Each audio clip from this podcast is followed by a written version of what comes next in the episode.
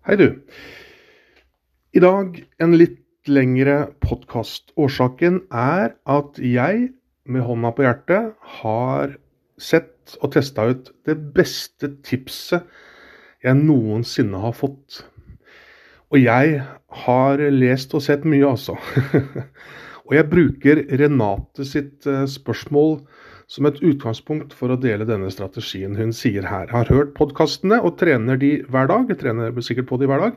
Mer eller mindre vellykka. Kan hende Rate snakker om podkastene eller om sine resultater. Begge deler er greit. Endring skjer kun hos deg selv, ja, men hvordan holde motivasjonen oppe? Spør på vegne av en venn, meg selv, smiletegn i parentes, føler at lyset brenner i alle ender med prioritering av framdrift med humane ressurser. Jeg skjønner ikke helt det siste, Renate, men jeg skjønner eh, spørsmålet ditt. Og Det er dette tipset jeg lærte her om dagen, som jeg har begynt å teste ut, som jeg har lyst til å dele med Renate og deg som hører på. Dette kommer fra en omstridt kilde. Hun heter Teal Swan, er amerikansk spirituell eh, lærer og det er veldig mye om henne, både positivt og negativt. Det jeg kan fortelle deg, er at jeg, når jeg ser videoer med henne, så kjenner jeg etter, både i hjertet og i magen og i hjernen, hvordan dette lander i meg. Og dette landa veldig, veldig godt. Så jeg tar ikke stilling til om hun uh, i det hele tatt. Jeg tar, tar stilling til hennes innhold og dette tipset som jeg nå skal komme med. Før jeg sier tipset, Hvis jeg sier tipset nå, så kan det hende du tenker ah, nei, det var ikke noe særlig. Så jeg sier hva det gjør med meg før jeg sier tipset. ok? Dette fører til at jeg Nå bruker jeg meg sjøl som et eksempel, men det er jo til deg, Renate, og du som hører på. Jeg hever min standard i hvordan jeg oppfører meg. Jeg blir modigere og tøffere. Og jeg lever et liv som er mye nærmere den jeg egentlig er og ønsker å være, enn det jeg har gjort fram til nå, basert på dette tipset. Og hvis du tror på loven om tiltrekning, the law of attraction, noe jeg gjør, som kanskje heller burde hett loven om speil, eller the law of mirrors, because, because det, er ikke, det, er ikke, kun det du går og tenker på som kommer tilbake, men det er det du er, og det du gjør i praksis. Så når jeg bruker denne metoden, så fører det til at jeg lever på en annen måte, og da er det det jeg får tilbake. Du må gjerne være skeptisk til det jeg sier nå, som jeg alltid sier. Ikke hør på meg. Ikke hør på andre. Bruk det som et frø. Hør på det, gjør det om, kjenn etter om dette lander i deg eller ikke. Her kommer tipset. Det er et spørsmål med noen få ord, og her kommer det neste, neste, gang du skal ta en avgjørelse om noe, det kan være hva du skal spise til frokost, eller om du skal gå fra mannen din eller ikke, altså alt Hva ville et menneske som er glad i seg selv, gjøre?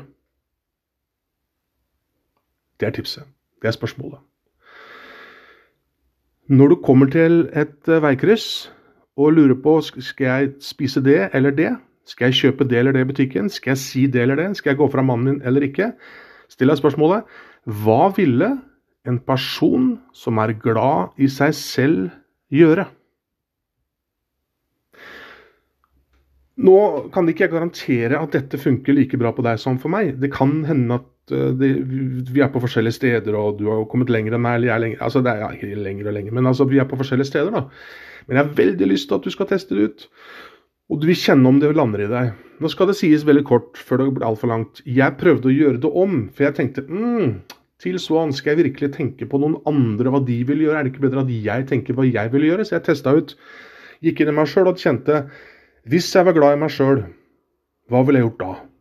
At det handler om meg istedenfor en annen person.